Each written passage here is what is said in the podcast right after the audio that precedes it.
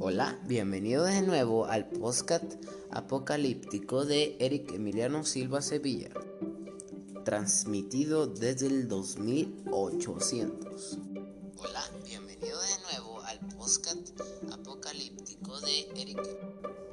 Y vamos a lo que nos interesa, carajo. Vamos a hablar sobre el Funko Pop de Miguel.